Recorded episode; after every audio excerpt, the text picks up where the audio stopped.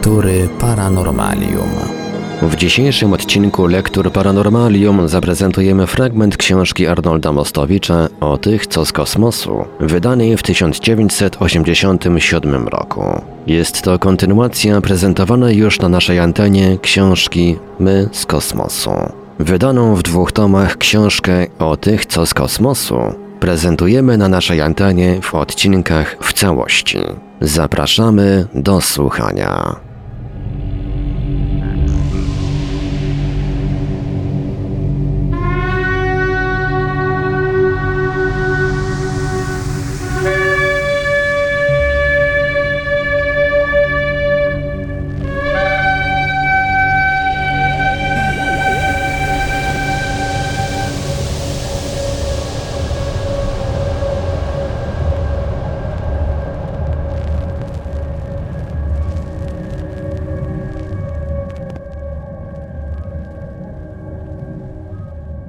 Legendy. Trzeci świat Kaskary. W pierwszym świecie Dajow stworzył ludzi tak, jak stworzył wszystko. Dał człowiekowi rozum, wiedzę i to, co mu jest niezbędne do życia. Wskazał mu prawa, jak i obowiązki, które musi wypełnić na świecie. Pierwszy świat został zniszczony przez ogień, ludzie bowiem okazali się źli. Ale nasz naród, to jest ci, którzy mieli stać się później plemieniem Hopi, przeżył to zniszczenie, dlatego że został wybrany, aby wieść o tym przetrwała i aby ją przekazać z pokolenia na pokolenie do dnia dzisiejszego. Drugi świat został zniszczony przez lud. Nasz naród znowu przeżył to zniszczenie i znalazł się w trzecim świecie. Wszystkie te i późniejsze wydarzenia znajdują swoje odbicie w naszych obrzędach religijnych. Koniec cytatu. Nazwa trzeciego świata brzmi Kaskara. Oznacza to ojczyzna albo też kraj słońca. Kaskara to nazwa kontynentu. Kontynent ten zajmować miał dużą część powierzchni dzisiejszego Pacyfiku. Większość kontynentu leżała na południe od równika. Początkowo życie na Kaskarze płynęło, jak głoszą legendy, spokojnie, bez specjalnych wstrząsów. Dlatego, że ludzie przestrzegali praw ustalonych przez Stwórcę. Sens tych praw był prosty i daje się streścić w następującym przekazaniu. Cytat. Jeśli chcecie zostać moimi dziećmi, musicie swoją wiedzę wykorzystać nie dla podbojów, nie dla niszczenia, nie dla zabijania. Niczego z tego, co wam dałem, nie wolno wam wykorzystać dla złych celów. Jeśli zaś tych praw nie będziecie przestrzegać, przestaniecie być moimi dziećmi. Koniec cytatu. Legendy Indian Hopi mówią dalej, że Kaskara nie była jedynym w tych czasach kontynentem, na których kwitła cywilizacja. Ameryka Południowa wyłaniała się dopiero z oceanu, głosi mit, ale dalej na wschód znajdował się kontynent mniejszy od Kaskary, określony przez Białego Niedźwiedzia jako kraj wschodu. I ten kontynent był zamieszkany. Ale w pewnym sensie ludzie kraju wschodu, a byli oni tego samego pochodzenia co ludność Kaskary, zaczęli gwałcić prawa Stwórcy. Poczęli podbijać kraje i kontynenty znajdujące się bardziej na wschód, a więc Europę i Afrykę. W końcu postanowili zdobyć i opanować Kaskarę. Dzisiaj, powiada Biały Niedźwiedź, kontynent ten, przez nas nazywany Talahuachique, nosi nazwę Atlantydy. Pozostańmy więc przy tej nazwie, gdyż jest bardziej obiegowa. Koniec cytatu. A więc, jak głoszą legendy, władcy Atlantydy zaatakowali Kaskarę. Cytat. Wiedzieli, że jesteśmy duchowo i moralnie silniejsi od nich i dlatego nam zazdrościli. Koniec cytatu.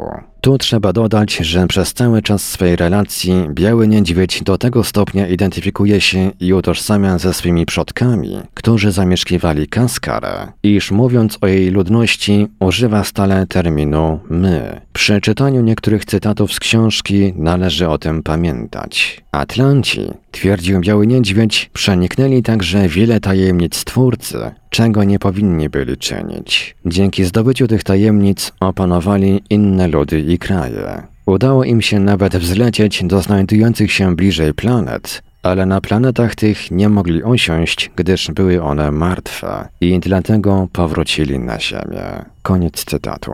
Mimo swojej przewagi, Atlanci nie opanowali Kaskary. Cytat. Z góry, z powietrza skierowali na nasze miasta swoją siłę magnetyczną. Ale tych z naszego ludu, którzy kroczyli prawą drogą, Stwórca nie opuścił i zebrał w jednym miejscu, by ich uratować. Koniec cytatu.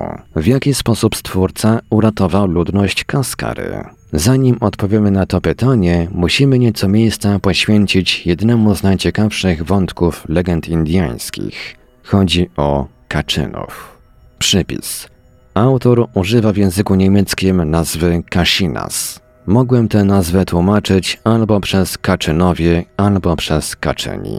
Wybrałem tę drugą ewentualność, gdyż nazwa Kaczynowie istnieje. Nosi je grupa plemion żyjących po dziś dzień w Birmie.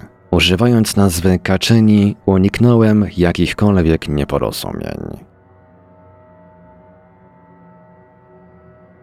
Kaczyni.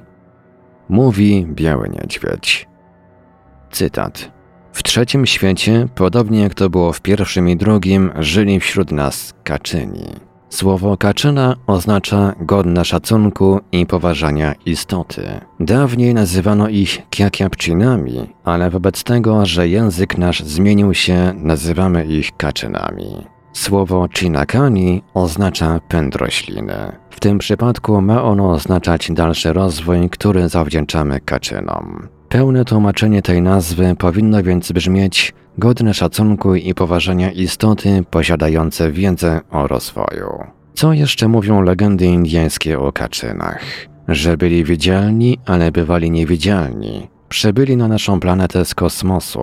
Pochodzą nie z naszego systemu planetarnego, ale z planety bardzo od Ziemi oddalonej. Wiele pokoleń minie, twierdzi Biały Niedźwiedź, nim astronautom z Ziemi uda się na tę planetę dotrzeć. Hopi nazywają tę planetę Tuna Otaka. Ma to oznaczać, że wszyscy mieszkańcy tej planety ponoszą taką samą odpowiedzialność i wszyscy razem pracują. Planeta Kaczynów jest jedną z dwunastu, które tworzą Związek Dwunastu Planet. Kaczyni potrafili w błyskawicznym tempie przenosić się z miejsca na miejsce. Kiedy mówię to zdanie, powiada Biały Niedźwiedź, oni w tym samym czasie mogliby przebyć olbrzymie przestrzenie. Potrzebowali do tego kilku sekund. Posiadali bowiem statki powietrzne, które poruszały się za pomocą siły magnetycznej. Koniec cytatu.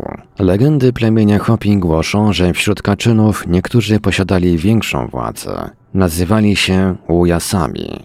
Jeśli by kaczynów uważać za aniołów, powiada Biały Niedźwiedź, to Ujasów należy nazwać archaniołami. W rzeczywistości nazwa Ujas oznacza człowieka bardzo mądrego. Nad nimi wszystkimi był Stwórca, ale w stosunkach z ludźmi pozostawali tylko kaczynowie. Istnieją, powiada Biały Niedźwiedź, używając do swojej opowieści czasu teraźniejszego trzy rodzaje kaczynów. Zadaniem pierwszych jest troska o to, by życie istniało stale. Druga grupa to nauczyciele, trzecia to strażnicy praw. Koniec cytatu. Z pewnego rodzaju mistycznego związku między kaczynami a kobietami ludzkiego rodzaju przychodziły na świat dzieci. Legendy podkreślają ten mistyczny właśnie stosunek. Wprawdzie ludzie zamieszkujący Kaskarę mogli dotykać kaczynów, ale nie było mowy o kontaktach płciowych między kaczynami a mieszkankami Kaskary. Dzieci, które przychodziły na świat w wyniku takich kontaktów, posiadały wielką wiedzę i mądrość. Były rzeczywiście istotami wspaniałymi gotowymi zawsze do niesienia pomocy i poświęceń. Kaczyni używali do swoich dalekich podróży, a przede wszystkim do lotów na swoją ojczystą planetę statków kosmicznych. Biały Niedźwiedź potrafił swemu rozmówcy dokładnie wyjaśnić, jak statki te wyglądały. Opis jest tak realistyczny, jak gdyby Indianin miał przed oczyma gotowy wzór. Cytat. Były to statki o różnych kształtach. Różne też nosiły nazwy. Nazwa jednego z takich statków brzmiała Patoa, to znaczy rzecz, która może lecieć nad wodą. Górna ich powierzchnia była zakrzywiona, dlatego też często nazywano je latającymi tarczami. Wyjaśnię ci, jak one wyglądają. Jeśli byś odciął dolną część dyni, otrzymasz coś, co wygląda jak spodek. Jeśli połączy się dwa takie spotki, otrzyma się formę latającego statku, za pomocą którego można osiągnąć dalekie planety. Koniec cytatu. I jeszcze jedna uwaga Białego Niedźwiedzia na temat lotów w kosmos. Cytat. My, Indianie z plemienia Hopi, mówimy, że także niektórzy z nas, mowa oczywiście o mieszkańcach Kaskary, przypis Arnolda Mostowicza, podróżowali na takich statkach. Na podobnych przybyli do nas Atlanci. Niedaleko od Oraibi znajduje się rysunek naskalny, na którym widać kobietę w takiej latającej tarczy. Strzała pod rysunkiem symbolizuje szybkość. Koniec cytatu. Jak kierowali Kaczyni tymi statkami? I na to pytanie potrafi Biały Niedźwiedź udzielić szczegółowych odpowiedzi. Cytat. Obydwie połowy są połączone rodzajem steru. Ten, kto zamierza podobnym statkiem kierować, używa tego steru. Kiedy skręca nim na prawo, statek się wznosi. Kiedy skręca w lewo, statek się cofa. Statek nie ma żadnego motoru, jaki mają na przykład dzisiejsze samoloty i nie potrzebuje żadnego paliwa. Porusza się w polu magnetycznym. Trzeba tylko znać wysokość, która niezbędna jest dla kierunku lotu. Kiedy zamierza się lecieć na wschód, należy korzystać z innej wysokości, kiedy na północ, także z innej i tak dalej. Wystarczy więc dla poruszania się w odpowiednim kierunku osiągnięcie odpowiedniej wysokości. W ten sposób mogli Kaczyni osiągnąć każde miejsce na Ziemi, a także mogli Ziemię opuścić. Koniec cytatu. Tyle o Kaczynach i ich statkach w relacji Białego Niedźwiedzia. Trzeba tutaj dodać jedną ważną uwagę. Rzecz w tym, że dla Indian Hopi Kaczyni żyją nie tylko w legendach i mitach. Kaczyni są niejako po dziś dzień obecni we wszystkich ceremoniach rytualnych czy tańcach obrzędowych Indian z plemienia Hopi. A żeby uzupełnić nieco tę relację Józefa Blumrisia i Białego Niedźwiedzia, pozwolę sobie tutaj przytoczyć informacje o kaczynach na podstawie materiałów zebranych przez Marion i Doris Arnegan z Hamburga. Specjalistek w zakresie mitologii Indian Hopi, szczególnie jeśli idzie o miejsce kaczynów w tej mitologii. Otóż Indianie Hopi, aby pozostać niejako w kontakcie ze swoimi bogami, używają małych, barwnie malowanych lalek, które nazywają kaczynami. Kiedyś kaczyni mieli być istotami z krwi i kości. Lalki wyrabiane przez Indian wyglądają tak jak tancerze, którzy biorą udział w tańcach obrzędowych. Tancerzy tych również nazywa się kaczynami. Kiedy taniec się kończy, ofiarowuje się dzieciom lalki, które służą jako coś w rodzaju przyborów do nauki.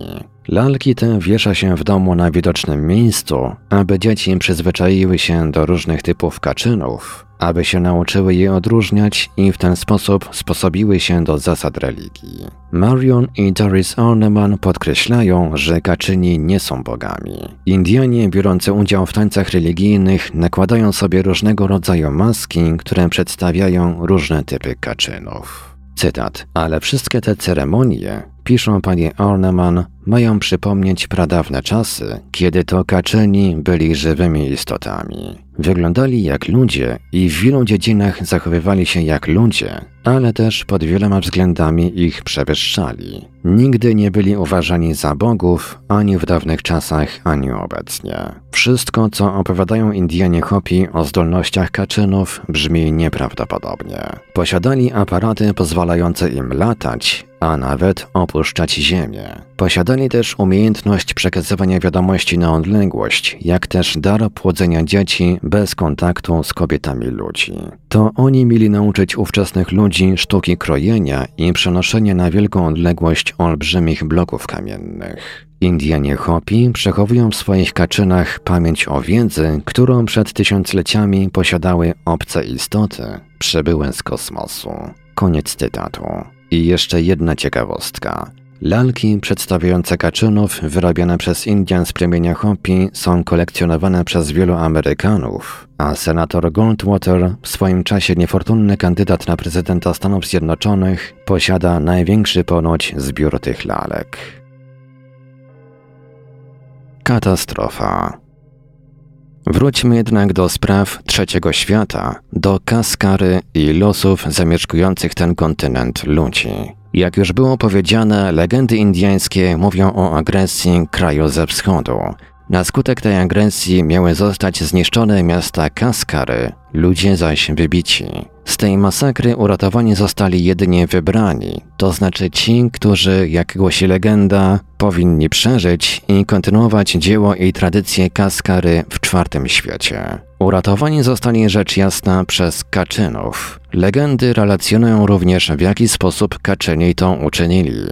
Mieli ich mianowicie nakryć tarczą. Co to tarcza oznacza, trudno dociec. Jej opis przypomina odwróconą dnem do góry misę. Wydaje się jednak, że chodzi tutaj, jeśli wierzyć tej wersji i związanemu z nią opisowi, o urządzenie, które kierowało pociski wroga w inną, bezpieczną dla zagrożonych stronę. Pociski bowiem agresorów, zgodnie z opowieścią Białego Niedźwiedzia, eksplodowały wysoko na niebie, tak że wybrańcy pozostali nietknięci. Biały Niedźwiedź tak komentuje te wydarzenia. Cytat. Potęga, która znajduje się daleko poza zasięgiem ludzkiego pojęcia, nie chciała, aby nasz naród został całkowicie zniszczony. Przecież byliśmy potomkami tych, którzy żyli w drugim świecie. Postanowione tedy zostało, że ci, którzy mieli zostać uratowani, otrzymają odpowiednią ochronę. Wielu, wielu ludzi będzie prawdopodobnie innego zdania, ale to my właśnie jesteśmy narodem wybranym. My zostaliśmy uratowani i my przybyliśmy na ten kontynent, gdyż od początku świata zawsze żyjemy w zgodzie z prawem. Koniec cytatu.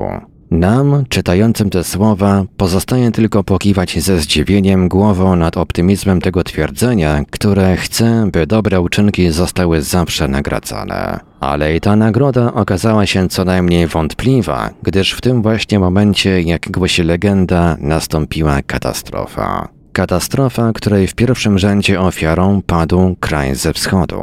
W krótkim czasie Atlantyda zniknęła w oceanie. W rozmowach z Blumrisiem Biały Niedźwiedź często powołuje się na swoją babkę, która, gdy był dzieckiem, opowiadała mu pradawne dzieje jego ludu. Otóż mądra ta babka, przekazując swojemu wnukowi ten fragment dziejów naszej planety, nader trafnie to ujęła, cytat, i wówczas ktoś musiał nacisnąć na fałszywy guzik. Koniec cytatu. Ale przecież i wśród Atlantów żyli Kaczyni. Co z nimi się stało? Biały Niedźwiedź wyjaśnia, że Kaczyni opuścili Atlantów dużo wcześniej. Dlaczego? Nie wiadomo. W każdym razie w momencie katastrofy Atlanci nie mieli już maszyn latających i ta droga ratunku pozostała dla nich niedostępna. Uratowały się tylko niewielkie grupy, którym udało się dotrzeć do jakiejś wyspy czy do jakiegoś lądu. Podczas tej chaotycznej ucieczki uratowana została jedynie część tej wielkiej wiedzy, którą jako całość dysponowali. Dlatego też ich potomkowie, tak twierdzi Biały Niedźwiedź, nie posiedli umiejętności cofania się wspomnieniami do czasów, które przecież tak bardzo przypominają dzieje praojców Indian. O tych czasach dzisiejsi potomkowie mieszkańców Atlantydy niewiele wiedzą. Za karę, że na nas napadli, dodaje Biały Niedźwiedź ale i Kaskara padła ofiarą katastrofy, pogrążając się również w głębinach oceanu. Tyle tylko, że katastrofa nie nastąpiła nagle, lecz rozciągnęła się na długie lata. Jak twierdzi Biały Niedźwiedź, na długo zanim obydwa lądy zniknęły pod falami oceanów, Kaczyni spostrzegli, że na wschód od Kaskary, a więc niejako między Atlantydą a Kaskarą, wyłonił się z oceanu wielki kontynent. Odkrywszy go i stwierdziwszy, że nic Kaskary nie zdoła uratować, Kaczyni zdecydowali się na przedsięwzięcie gigantyczne. Postanowili mianowicie przenieść wybrany przez Stwórcę lud na teren nowo odkrytego kontynentu. Nowy ląd, mówi Biały Niedźwiedź, miał zostać naszym nowym krajem. My nazywamy go czwartym światem, Tułakachi. Mamy dla niego także inną nazwę, Sistaloaka, Stwórca jeszcze raz postanowił nas uratować, a Kaczyni pomogli nam przenieść się na nowy kontynent. Koniec cytatu.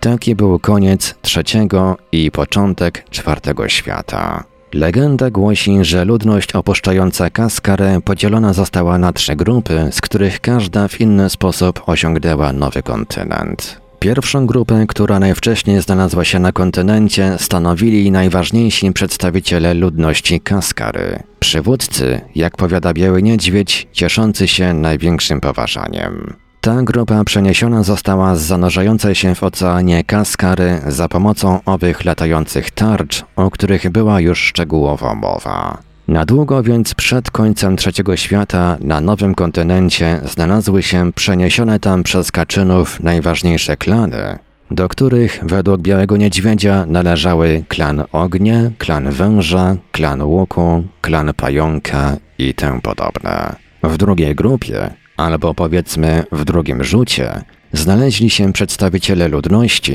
którzy, jak mówi Biały Niedźwiedź, znajdowali się na etapie przejściowym do osiągnięcia przewodnictwa duchowego. Ta grupa przeniesiona została na nowy kontynent na skrzydłach ptaków. Biały Niedźwiedź nie wyjaśnia, jak należy przełożyć ten środek lokomocji na język bardziej racjonalistyczny.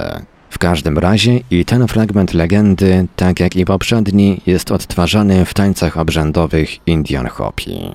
W trzecim rzucie znaleźli się ci, którzy znajdowali się na najniższym etapie duchowej dojrzałości i moralnego rozwoju. Otóż ta, jak należy przypuszczać, największa grupa, znajdował się w niej także klan, którego członkiem jest Biały Niedźwiedź, to jest klan Kojotów. Przebyła drogę dzielącą Kaskarę od nowego kontynentu na zwykłych łodziach. Była to droga najtrudniejsza i ci, którzy ją odbyli, mieli przeciwko sobie groźne siły przyrody ale i ta grupa znajdowała się przez cały czas pod opieką Kaczynów. Jest to bardzo ciekawa część opowieści Białego Niedźwiedzia. Nader barwnie opisuje on drogę przez ocean, a droga ta prowadziła z jednej wyspy na drugą. Na każdej z wysp następował odpoczynek. W ten sposób po długiej wędrówce ostatni rozbitkowie Kaskary znaleźli się na lądzie nowego kontynentu. I te wydarzenia znajdują swój wyraz w ceremoniach obrzędowych czy tańcach rytualnych, które po dziś dzień kultywują Indianie Hopi. Ciekawa jest tutaj następująca uwaga Białego Niedźwiedzia. Cytat. To samo wydarzenie, chodzi o przepłynięcie oceanu na łodziach, jest upamiętnione, albo jeśli wolisz udokumentowane, w postaci grupy siedmiu bogów na Wyspie Wielkanocnej. Zostały one tam postawione dla upamiętnienia siedmiu światów, przez które musi przejść ludzkość. Wyspa Wielkanocna jest jedną z wysp, które po zakończeniu naszej wędrówki nie zniknęły w głębiach oceanu. Koniec cytatu. Rozbitkowie obserwowali bowiem, jak jedna za drugą zanurzają się w oceanie wyspy, które były etapami ich wędrówki. I jeszcze jeden cytat z opowieści Białego Niedźwiedzia. Ale musisz Chodzi o Blumrysia, przypis autora, o jeszcze jednej rzeczy wiedzieć. Nie wszyscy ludzie, którzy uratowali się z katastrofy, mogli ten ląd, chodzi o Amerykę Południową, przypis autora, osiągnąć. My, klan Kojotów, byliśmy ostatnimi z wybranych, którzy opuścili tonący kontynent i którzy tu się osiedlili. Inni, którzy wyruszyli za nami w drogę, zostali przez silne prądy zagnani do innych krajów. Stało się tak dlatego, że nie należeli do wybranych. Niektórzy osiedlili się na Hawajach, części trzeciego świata, która nie uległa zagładzie. Inni osiedlili się na wyspach południowego Pacyfiku, a niektórzy nawet na jednej z dzisiejszych wysp japońskich, o czym się przed kilku laty dowiedziałem. Odwiedził mnie bowiem pewien młody człowiek, mieszkaniec tej wyspy. Jak się później okaże, chodziło o wyspę Hokkaido, najbardziej na południe wysuniętą z Wysp Japońskich. Przypis autora. Przeczytał on Book of the Hopi. Jest to książka o dziejach i tradycjach Indian z plemienia Hopi, napisana przez Franka Watersa przy wydatnym udziale Białego Niedźwiedzia, a wydana w 1971 roku. Przypis autora. I powiedział mi, że jego babka przekazała mu taką samą historię o dziejach trzeciego świata, jaka znajduje się w książce Watersa i że takie same są na tej wyspie pielęgnowane tradycje. Było więc dużo uciekinierów, którzy tutaj przybyć nie zdołali, aczkolwiek również pochodzili z Kaskary. Po dziś dzień na przykład mieszkańcy Hawajów nazywają swoich mędrców Kahuna. Nazwa ta ma to samo znaczenie co Kaczyni.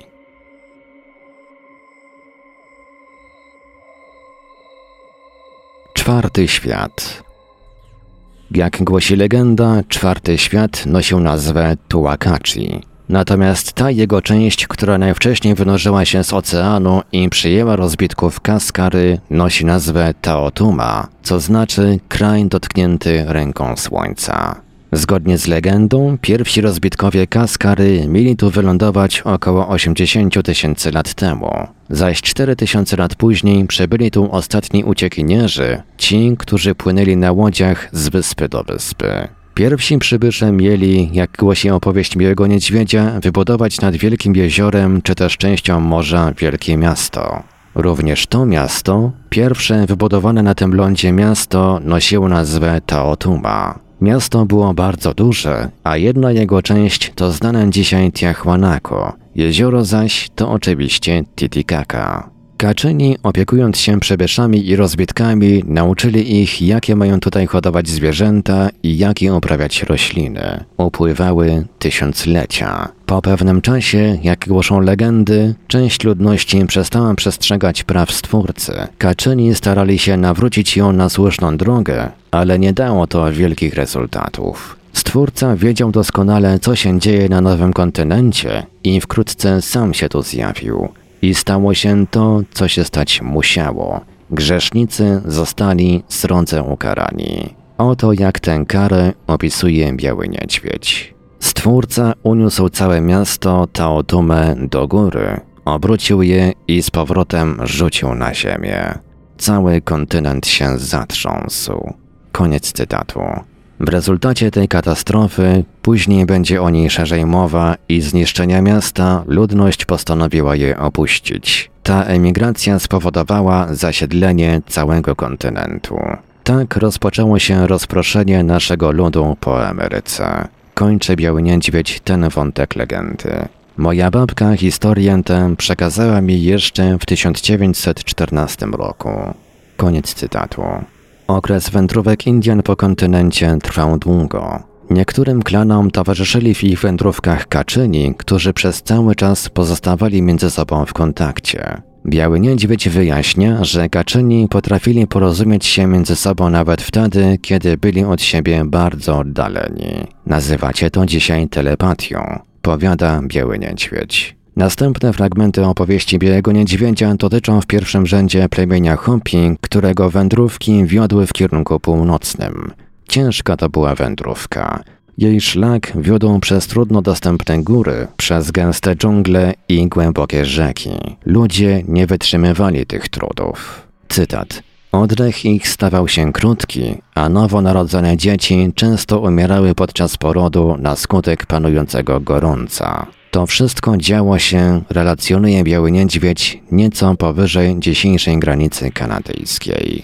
Koniec cytatu. Zmusiło to w końcu Indian do tego, że zawrócili i obrali drogę wiodącą w kierunku południowym. Jeśli szczegóły te podaję, to dlatego, że i one znajdują swoje odbicie w wielu obrzędach religijnych przestrzeganych do dnia dzisiejszego. Pradzieje Indian amerykańskich są w jakimś sensie w tych obrzędach odtwarzane, o czym warto przypomnieć sobie, gdy będę streszczać drugą część książki Blumrysia. Widać, że te pradzieje głęboko zapisały się w pamięci ludu, skoro kilka razy do roku są przypominane podczas obrzędów religijnych. Biały Niedźwiedź szczegółowo opisuje charakter tych obrzędów i ich znaczenie, ale nie miejsce tutaj, by tą częścią jego opowieści zająć się szczegółowo. W pewnym okresie wędrówek klanów przez południową i środkową Amerykę niektóre z nich postanowiły ponownie się zjednoczyć i żyć tak, jak przykazał Stwórca. Ich przywódcy zebrali się i utworzyli nowe kulturowe centrum życia Indian, aby duchową wiedzą promieniowało ono na cały kontynent. Takie niesłychanie ważne określenie Białego Niedźwiedzia miasto powstało w środkowej części kontynentu. Otrzymało ono nazwę Palatquapi, co w języku Indian ma oznaczać czerwone miasto. Dzisiaj, jak wyjaśnia rozmówca Blumrysia, znane jest ono pod nazwą Palenkę.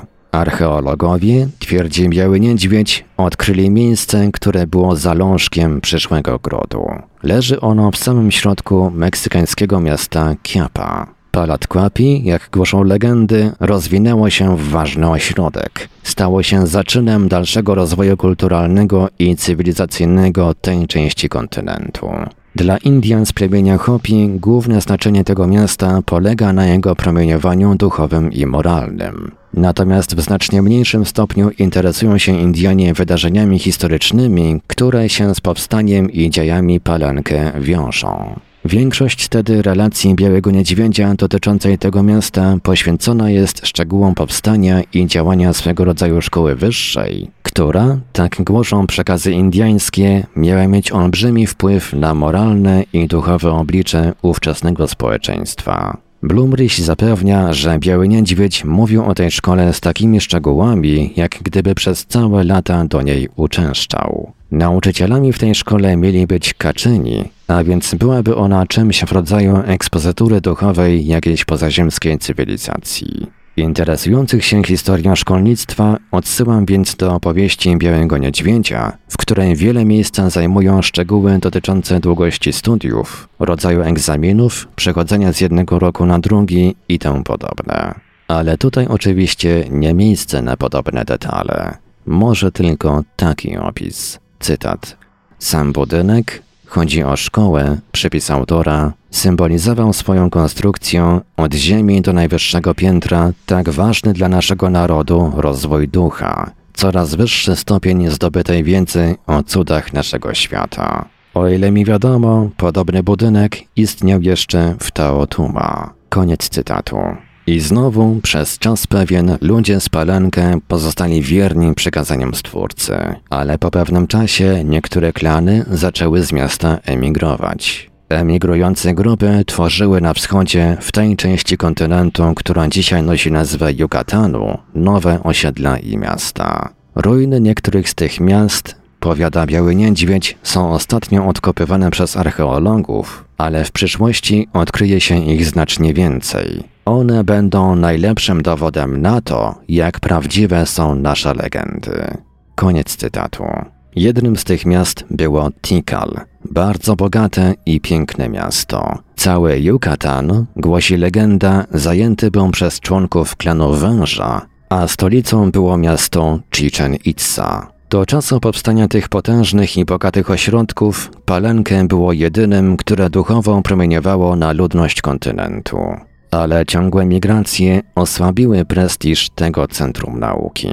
Nastąpiły tarcia i wojny między tym miastem a nowymi osiedlami. Długotrwałe te i wyniszczające wojny doprowadziły w końcu do całkowitego upadku zarówno Palenkę, jak i pozostałych ośrodków. Biały Niedźwiedź z całym naciskiem podkreśla, że legendy mówią przede wszystkim o upadku duchowym tych miast – a w wyniku tej duchowej degradacji zaczęła je teraz już masowo opuszczać ludność. Zaczęła się ponowna wędrówka Indian, potomków tych, którzy opuścili Kaskarę. Warto zatrzymać się nad tym fragmentem historii amerykańskich Indian, tak jak ją przedstawiają legendy plemienia Hopi. Fragment ten zajmuje ważne miejsce w relacji Białego Niedźwiedzia.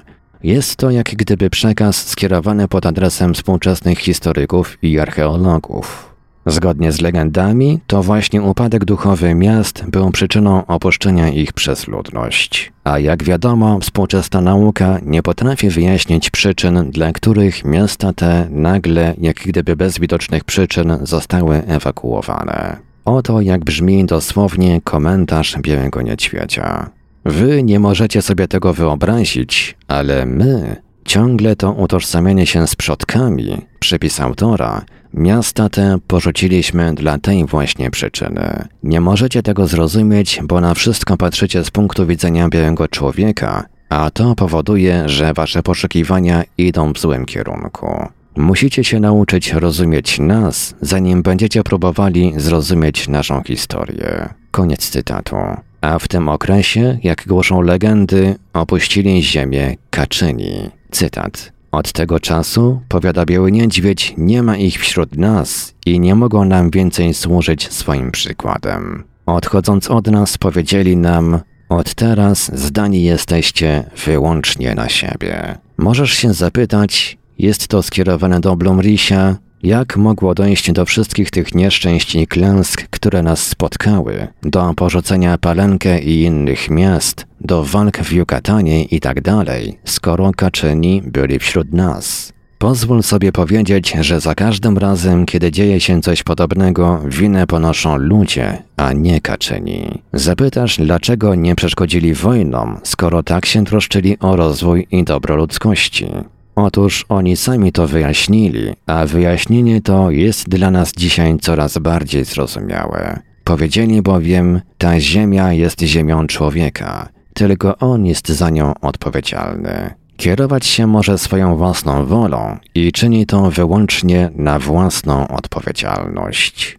Po tym jak Palenkę utraciła swoją potęgę, rozpoczęło się ostateczne rozpraszanie Indian po kontynencie. Z południa na północ, na wschód i na zachód. Niektóre klany bogaciły się i rosły w potęgę, inne upadały, ale w większości jedne i drugie zniknęły z historii bowiem pogardzały prawami Stwórcy.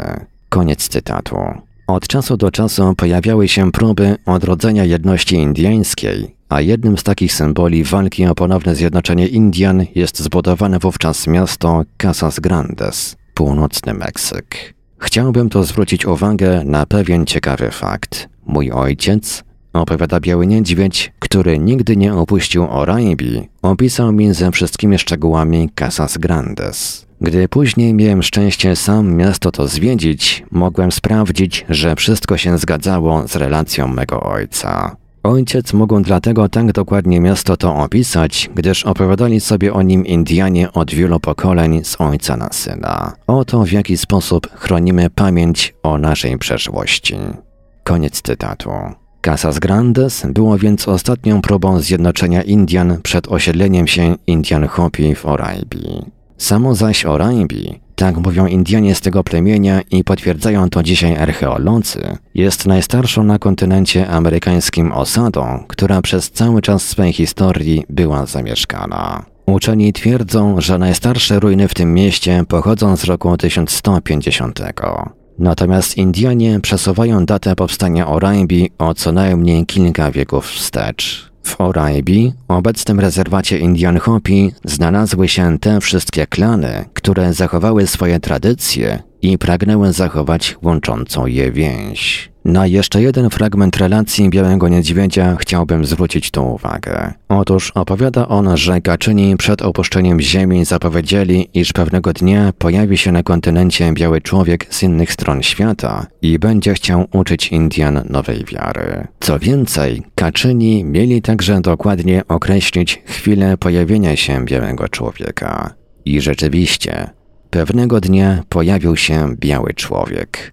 Pierwszymi białymi, którzy znaleźli się na kontynencie, byli Hiszpanie. Hiszpanie jednak nie zachowali się tak, jak się Indianie spodziewali. Gest braterstwa ze strony wodza indyjskiego został zrozumiany jako gest prośby o jałmużnę. To było ciężkie rozczarowanie dla Indian naszego plemienia. Powiada Biały Niedźwiedź. Biali ludzie nie zrozumieli gestu przyjaźni. Nasz ówczesny wódz zapowiedział, że przybysze sprowadzą na nas wielkie nieszczęścia. I tak się też stało. Energia, symbole i inne szczegóły. Na przybyciu Hiszpanów kończy się zasadniczy wątek opowieści Białego Niedźwiedzia. Już po zakończeniu swojej kilkudziesięciogodzinnej relacji Biały Niedźwiedź uznał za stosowne dodać kilka uwag, które, moim zdaniem, mają duże znaczenie dla interesującej nas tematyki. Oto na przykład Biały Niedźwiedź odpowiedział na dość istotne, jeśli nie nader istotne pytanie. Skąd w Kaskarze czerpano energię, na którą było tam duże zapotrzebowanie? Nie zapominając ani przez chwilę o utożsamieniu się z rodnością trzeciego świata, Biały Niedźwiedź powiada, cytat, w Kaskarze całą potrzebną energię czerpaliśmy ze słońca. Można ją było wykorzystać wszędzie i jakiekolwiek przewody były zbędne. Mieliśmy urządzenia, wewnątrz których znajdował się kryształ wielkości najwyżej jednego cala. Dzięki temu urządzeniu nie musieliśmy na przykład trudzić się całymi dniami nad obrabianiem bloków kamiennych. Wystarczyło, że słońce odbijało się w krysztale, a już dzięki temu urządzeniu można było każdy kamień kroić. Oprócz tego, dzięki tym kryształom można było zbierać dźwięki. O ile mi wiadomo, wszystkie te urządzenia i aparaty znajdują się gdzieś w jakiejś jaskini w południowej Ameryce. Opowiadała mi o tym moja babka, ale dzisiaj nikt nie wie, gdzie ta jaskinia się znajduje i gdzie jej szukać. Koniec cytatu. W relacji Białego Niedźwiedzia, jeśli idzie o technikę, jeszcze jedna sprawa zajmuje poczesne miejsce. Poprzednio w Kaskarze, ale przede wszystkim później w Czwartym Świecie, ludność wykorzystywała sztukę, którą im przekazali Kaczyni. Sztukę przenoszenia wielkich i ciężkich bloków kamiennych. Przenoszono je, jak twierdzi Biały Niedźwiedź, w ten sposób, że wyciągano nad nimi ręce. Nic więcej. Nikt nie musiał nawet tych bloków dotykać. Cytat. Dzisiaj jesteśmy zdumieni, patrząc na potężne miasta, jakie wówczas budowano. Nie potrafimy zrozumieć, jak można tego było dokonać bez specjalnych urządzeń. Ale w rzeczywistości było to proste. Był także czas, kiedy ludzie wykorzystywali rtęć. Nie wiem tylko, do czego jej używano. Koniec cytatu. I wreszcie jeszcze jedna sprawa, którą Biały Niedźwiedź w rozmowie z Blumrysiem często poruszał, ale którą dotychczas pomijałem. Cytat. Kiedy przybyliśmy do Ameryki Południowej, staraliśmy się naszą obecność tutaj utrwalić. Zresztą robimy to i dzisiaj, jako że odziedziczyliśmy ją po naszych praojcach. Jest to sztuka posługiwania się symbolami. Rozumiemy doskonale sens znaków, linii i liczb. Wszędzie tam, gdzie żyli i zawędrowali nasi przodkowie, pozostały po nich ślady. Dowodzą naszej wiedzy i obecności. Wszędzie od południowej do północnej części kontynentu. Są to rysunki naskalne, ceramika i budowle. Niektórzy uczeni mówią, że nie mamy pisanego języka, ale to właśnie jest nasze pismo i nasze posłannictwo. Te ślady naszej obecności na szczęście nie wszędzie zostały zniszczone. Koniec cytatu.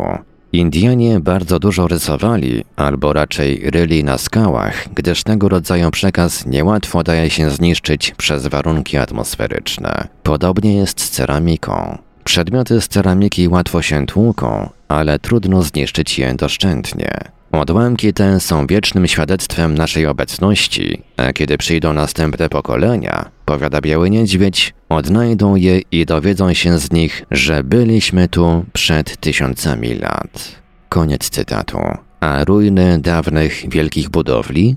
Biały Niedźwiedź zrobił swemu rozmówcy cały wykład na temat symboli, jakich doszukać się można w tych budowlach. I w kształcie wież kwadratowe symbole męskości, koliste symbole kobiecości i w ilości świątyń wiodących do piramid, w liczbie drzwi na dachach świątyń itd. Tak Wszystko to ma swoje znaczenie, a całość stanowi swoistą wiedzę dostępną, jak twierdzi Biały Niedźwiedź, tylko dla Indian. Cytat. Indianie są ludźmi o specjalnym rozwoju duchowym, a archeolodzy i uczeni muszą wpierw zrozumieć nas, zanim spróbują zrozumieć znaczenie ruin. Koniec cytatu. Ta symbolika i dzisiaj odgrywa pewną rolę. Kiedy, powiada Biały Niedźwiedź, na głównym placu naszej wsi tańczą osoby przedstawiające kaczynów, Wszyscy pozostali uczestnicy ceremonii tworzą trzy grupy symbolizujące trzy światy, przez które przeszliśmy. Nie możemy dzielić się na cztery grupy, bowiem czwarty świat jeszcze się nie skończył. Tylko my, Indianie z plemienia Hopi, rozumiemy tę symbolikę. Nie rozumie jej żadne inne plemię. Wszystkie te symbole, które zobaczyć możesz na tym kontynencie, są i pozostaną dla nas wiecznie żywe. Koniec cytatu. Oto w jaki patetyczny sposób zakończył swój 43-godzinny wykład o legendach i dziejach Indian z plemienia Hopi Biały Niedźwiedź. Zanim przejdziemy do streszczenia drugiej części książki Józefa Blumrysia, w której sprawdza on wiarygodność wszystkich tych legend i przekazów, chciałbym zwrócić uwagę na kilka wniosków, które nasuwają się w związku z dotychczasową lekturą. Z całego bogactwa, jakie w legendach tych jest zawarte, odrzucić należy oczywiście to, co stanowi widomy wpływ kultury chrześcijańskiej. Byłoby naiwne sądzić, że opowieści Białego Niedźwiedzia są od tego wpływu wolne. Wprawdzie Blumrich nie zwraca na to uwagi, ale tam wszędzie, gdzie mowa o Stwórcy czy o narodzie wybranym, wpływ Starego czy Nowego Testamentu jest widoczny. Pozostawiam na razie na uboczu wątek o niepokalanym poczęciu, który znaleźć można w bardzo wielu wierzeniach ludów pierwotnych, a który w opowieści Białego Niedźwiedzia znalazł wyraz w płodzeniu przez kaczynów dzieci bez cielesnego kontaktu z kobietami ziemskimi. Jeśli natomiast idzie o tę najważniejszą część relacji Białego Niedźwiedzia, a mianowicie o zagładę Kaskary, zasiedlanie południowej Ameryki, wędrówki Indian, a przede wszystkim kiedy mowa o kaczynach, o ich obecności na naszej planecie i ich wpływie na mieszkańców Ziemi, to trzeba tu podkreślić kilka podstawowych spraw. Po pierwsze, jak już pisałem w mojej poprzedniej książce, to zgodnie z poglądami większości specjalistów na znaczenie mitów czy legend, odzwierciedlają one z pewnością jakieś autentyczne wydarzenia historyczne, które w ten sposób zapisały się w świadomości zbiorowej. Oczywiście legendy te narosły w ciągu wieków czy tysiącleci grubą warstwą wierzeń religijnych czy fantazji, ale rzeczą uczonego jest odnaleźć pod tą warstwą wątki autentyczne, tak jak Schliemann pod grubą warstwą ziemi i piasku odkrył Troję i eposowi Homera dał historyczny wymiar. W jakiej mierze legendy Indian Hopi są odbiciem prawdy historycznej? Oto jest pytanie. Po drugie, wiele z tych opowieści, którymi Biały Niedźwiedź podzielił się z Blumrisiem, znaleźć można i w innych dziełach poświęconych Indianom. Szczególnie we wspomnianej już przeze mnie książce Franka Watersa Book of the Hopi. Podkreślam to dlatego, że łatwo można Blumrichowi zarzucić, iż opowieści usłyszane od Białego Niedźwiedzia odpowiednio upiększył, szczególnie jeśli idzie o wątek kaczynów. W zasadzie wszystko to można znaleźć gdzie indziej. Natomiast dotychczas nikt ze specjalistów nie starał się dojść prawdy, doszukać się autentycznych wydarzeń w legendach indyjskich. Oto uwagi ogólne, jakie nasuwają się przy lekturze tej opowieści. A teraz wróćmy do zasadniczej części książki Blumrisia.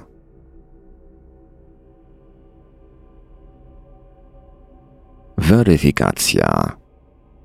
Druga część książki Józefa Blumrisia to weryfikacja i interpretacja legend indyjskich w świetle współczesnej nauki, archeologii, historii, geologii, antropologii czy etnografii. Kończąc poprzedni rozdział, wskazałem na to, co mieć należy na uwadze, analizując te legendy. Dodać jeszcze może należałoby, że Biały Niedźwiedź jest człowiekiem wykształconym i niektóre elementy wspomnianych nauk są mu, szczególnie jeśli dzieje Indian, z pewnością znane. Zanim jednak przystąpię do przekazania czytelnikom rezultatów olbrzymiej pracy, jakiej dokonał autor książki, Chciałbym zwrócić uwagę na trzy problemy dotyczące przeszłości tego rejonu świata. Problemy, które choć częściowo zakamuflowane, dominują w opowieści Białego Niedźwiedzia nad wszystkimi innymi.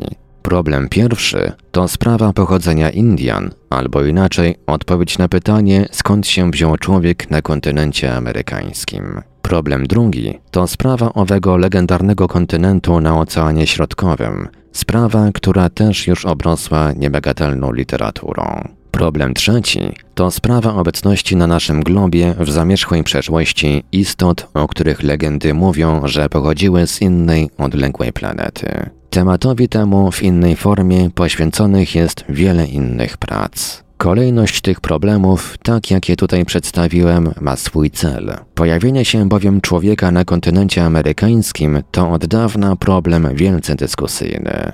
Kontrowersja dotyczy odpowiedzi na to pytanie, mieści się w granicach nauk powszechnie przyjętych i poza te granice nie wykracza. Istnienie kontynentu na Oceanie Spokojnym, które miałby być kolebką Indian, to już hipoteza na granicy nauki i fantazji, ale ostatecznie hipoteza, którą można naukowo zweryfikować za pomocą dostępnych nauce środków i metod.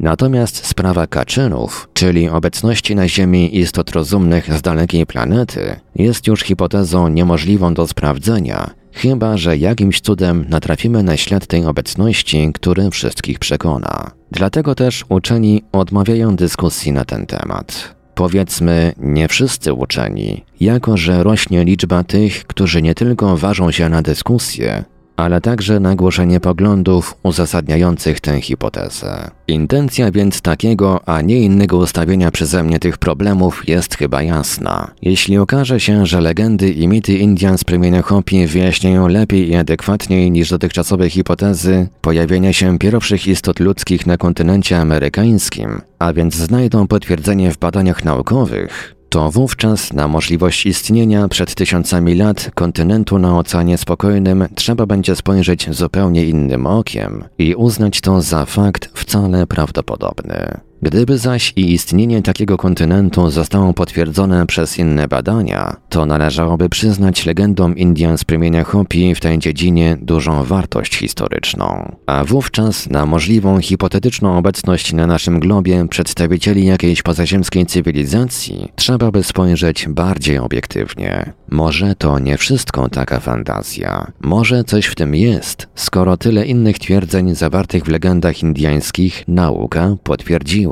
Przypomnijmy tedy, a przecież jest to problem centralny tych rozważań, że dotychczasowa teoria wyjaśniająca pojawienie się Indian w Ameryce wiąże ten fakt z cieśniną Beringa. Pisałem o tym szczegółowo w mojej książce My z kosmosu.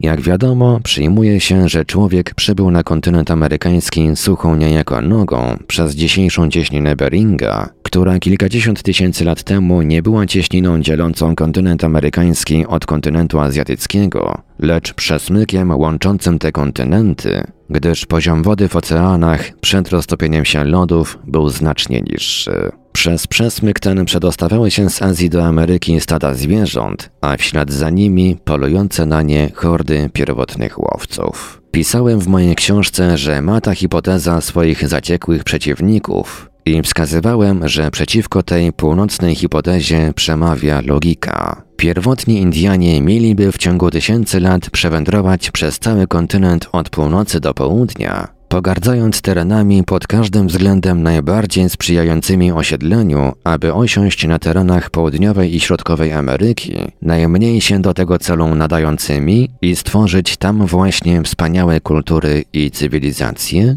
to wręcz nieprawdopodobne. Nic więc dziwnego, że nie jeden z uczonych zajmujących się tą dziedziną badań skłaniał się raczej ku tezie zakładającej, iż Ameryka Południowa była tym kontynentem, który pierwszy przyjął przodków dzisiejszych Indian. Ale tu pojawiła się trudność, na pierwszy rzut oka nie do przezwyciężenia. O ile wiemy, skąd mogli się Indianie przedostać do Ameryki drogą północną, to nie potrafiliśmy dotychczas, poza wątpliwymi hipotezami, odpowiedzieć na pytanie, skąd mogli oni przybyć na brzeg zachodni Ameryki Południowej. O tę trudność rozbijała się dotychczas hipoteza południowa. Wprawdzie Heyerdahl na swej słynnej Kontiki stwierdził, że nawet tak prymitywną łodzią można dotrzeć z Ameryki Południowej na wyspy Polinezji, ale interesował go tylko ten kierunek wędrówki, to znaczy ze wschodu na zachód, a nie odwrotny, z zachodu na wschód. I oto, jak to słyszeliśmy z opowieści Białego Niedźwiedzia, klucz do tej zagadki historycznej można odnaleźć w legendach. W legendach indiańskich. Kolejność wspomnianych uprzednio trzech problemów nie oznacza, że każdy z osobna będzie przez Blumrisia omawiany. Jeśli je z takim naciskiem wymieniam, to tylko w tym celu, by je czytelnicy mieli zawsze na uwadze, gdy wraz z autorem sprawdzać będziemy, co w opowieści Białego Niedźwiedzia jest z pewnością prawdą historyczną, co może być prawdą i co prawdą nie jest. Blumrich zdecydował się na następujący tok postępowania dowodowego, o ile można to tak określić. W pierwszym rzędzie analizuje opowieść Białego Niedźwiedzia od końca niejako, od dziejów Indian na kontynencie amerykańskim poczynając, poprzez ich wędrówkę po oceanie, a na Kaskarze kończąc. Analizuje to w świetle wszystkich dostępnych mu gałęzi nauki. Następnie zaś tak sprawdzony przekaz legend i mitów osadza w historii i opowiada, jak to najprawdopodobniej było, czy być musiało.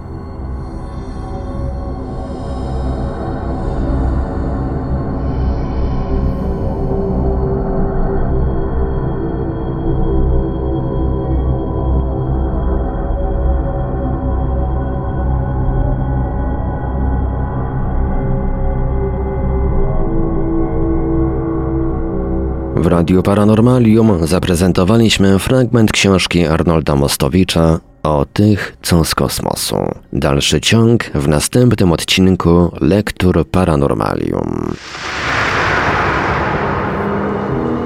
Archiwalne odcinki Lektur Paranormalium znajdziesz do pobrania w archiwum naszego radia na stronie www.paranormalium.pl.